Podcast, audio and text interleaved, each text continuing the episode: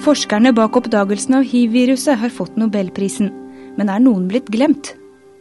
Velkommen til tidsskriftets podkast for nummer 23 2008. Nobelprisen i fysiologi eller medisin ble nylig tildelt tre personer. Tyskeren Harald Sorhausen fikk prisen for sin påvisning av HPV-viruset som årsak til livmorhalskreft, mens de to franske virologene Francois Barré-Sinossi og Luc Montagnier fikk prisen for oppdagelsen av hiv-viruset. Redaktør i tidsskriftet, Charlotte Haug, stusser litt over dette, samtidig som hun syns det er vel fortjent. Ja, For det første så syns jeg jo at uh, det er to veldig flotte oppdagelser som har fått prisen. Så begge oppdagelsene har absolutt fortjent en nobelpris. Den henger høyt. Det er jo den uh, viktigste prisen man kan få innenfor vitenskapen.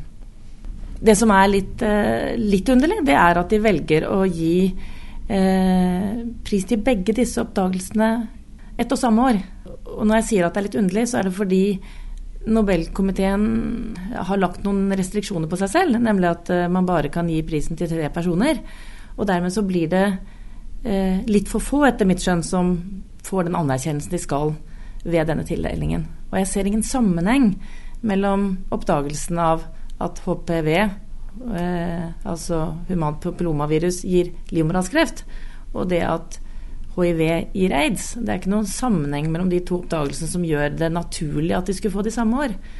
Eh, så det er det jeg stusser litt over. Du stusser også litt over hvilke personer som har fått eh, nobelprisen for eh, oppdagelsen av hiv-viruset? Ja, eh, det er ikke noe tvil om at de to personene var viktige. Men det var så veldig mange andre også som var viktige. Og mm, det er litt vanskelig å få tak i eh, hvorfor akkurat de to av alle som kunne få den, eh, fikk den.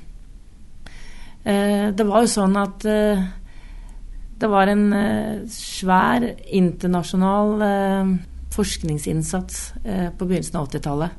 Egentlig en ganske dramatisk situasjon som alle som levde da i hvert fall husker ganske godt. At det oppsto en ny sykdom som man ikke skjønte noen ting av. Hvor særlig noen grupper, homoseksuelle menn og sprøytenarkomane, etter hvert eh, folk som hadde eh, blødere f.eks., og fikk en veldig rar eh, sykdom, alvorlig, og døde av den. Hun skjønte ikke hva det var. Og det ble satt i gang svær og bred forskningsinnsats for å forsøke å finne årsaken. Og bare det å finne ut at Eller å komme frem til at kanskje dette var en infeksjonssykdom og ikke noe annet, var kontroversielt, vanskelig og eh, krevde veldig mye å komme frem til. Så etter hvert så kom man dit hen at man begynte å mistenke at det var et, et virus. Et, et, veldig rart virus, et retrovirus, et veldig sjeldent virus som man nesten ikke hadde sett hos mennesker før. Som kanskje kunne være årsaken. Og da man hadde kommet så langt, så var det to forskningsgrupper som liksom knivet om å finne ut hvilket virus det kunne være. Og det var en gruppe som satt i Frankrike, på Støre-instituttet i Paris. Eh, og de to som nå får prisen, de jobbet der. Men det var også andre som jobbet der. Og den andre gruppen satt i USA, The National Institute, Cancer Institute, eh, på National Institutes of Health og var ledet av Robert Gallo. Og det var en svær gruppe der også, mange mennesker involvert, som jobbet og konkurrerte selvfølgelig om å forsøke å komme frem til det. Så var det slik at uh, den franske gruppen, de var de aller første som klarte å påvise at det var et annerledes virus som var til stede hos en pasient som ikke hadde aids, men som hadde kanskje forstadiet til aids. Men det å påvise at det er noe der, er ikke det samme som å påvise at det er årsaken. Så derfor så fortsatte jo da eh, forskningen for å finne om det, det man hadde funnet, kunne være årsaken. Og der eh, er det vel ikke noe tvil om at den amerikanske gruppen under ledelse av Robert Gallo var den mest sentrale til å påvise at det faktisk var årsaken. Og hele tiden underveis her så var det slik at disse to gruppene både konkurrerte og samarbeidet veldig tett. Utvekslet teknikker, materiale, personer. Det er helt vanlig i forskningen. Så da blir det litt rart for meg eh, at, eh, at, bare to personer får det.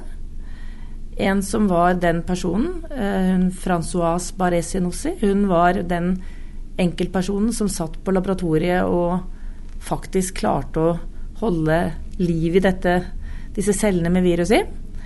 Og lederen for hennes institutt, som het Luc Montagnier, og som absolutt hadde en viktig rolle, men de var tross alt bare to. Og det var i hvert fall minst én veldig sentral person til eh, i Frankrike som nå ikke har fått den prisen.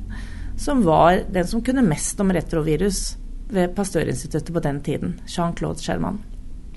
Men hvis du skal nevne navn, hvilke mener du burde fått nobelprisen? Nei, altså Hvis vi snakker om oppdagelsen av hiv-virus og enkeltpersoner, så vil jeg si at i hvert fall de to jeg har nevnt, Jean-Claude Germain i Frankrike og Robert Gallo i USA, ville vært veldig naturlig hvis man skulle utpeke enkeltpersoner. I tillegg til de to som allerede har fått den? Absolutt i tillegg til de to. Det er, det er fullt fortjent at de to får det. Det rare er bare liksom at det bare er de to. Så hva tror du ligger bak Nobelkomiteens avgjørelse? Si det. det som er eh, Nobel, som jeg, som jeg, tror jeg nevnte, så, eh, så, har Nobelkomiteen pålagt seg selv at bare tre personer kan få den. Og når de da velger å dele den i to, som de gjorde nå, så i den ene til én oppdagelse og den andre delen til en annen oppdagelse, så ble det bare to igjen som kunne få den. Og det første man må spørre seg, hvorfor i all verden har de bestemt seg for det?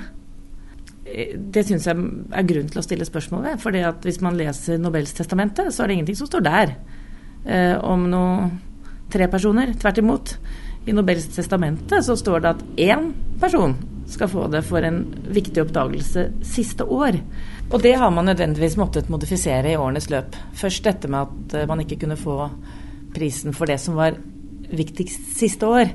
Fordi det man oppdaget at det man trodde var viktigst det ene året, var jo fort vekk ikke så viktig, eller kanskje det viste seg å være feil osv. Så, videre. så i mange mange, mange år så har man lagt seg på en linje at det må gå en god del år før man kan få prisen.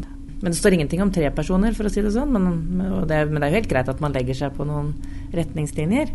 Men i dette tilfellet her så er det veldig tydelig at uh, to eller tre personer kanskje i det hele tatt ikke vil være nok for å gjøre det riktige. Du kan lese mer om dette i Haugs lederartikkel i nummer 23. Takk for at du hørte på tidsskriftets podkast.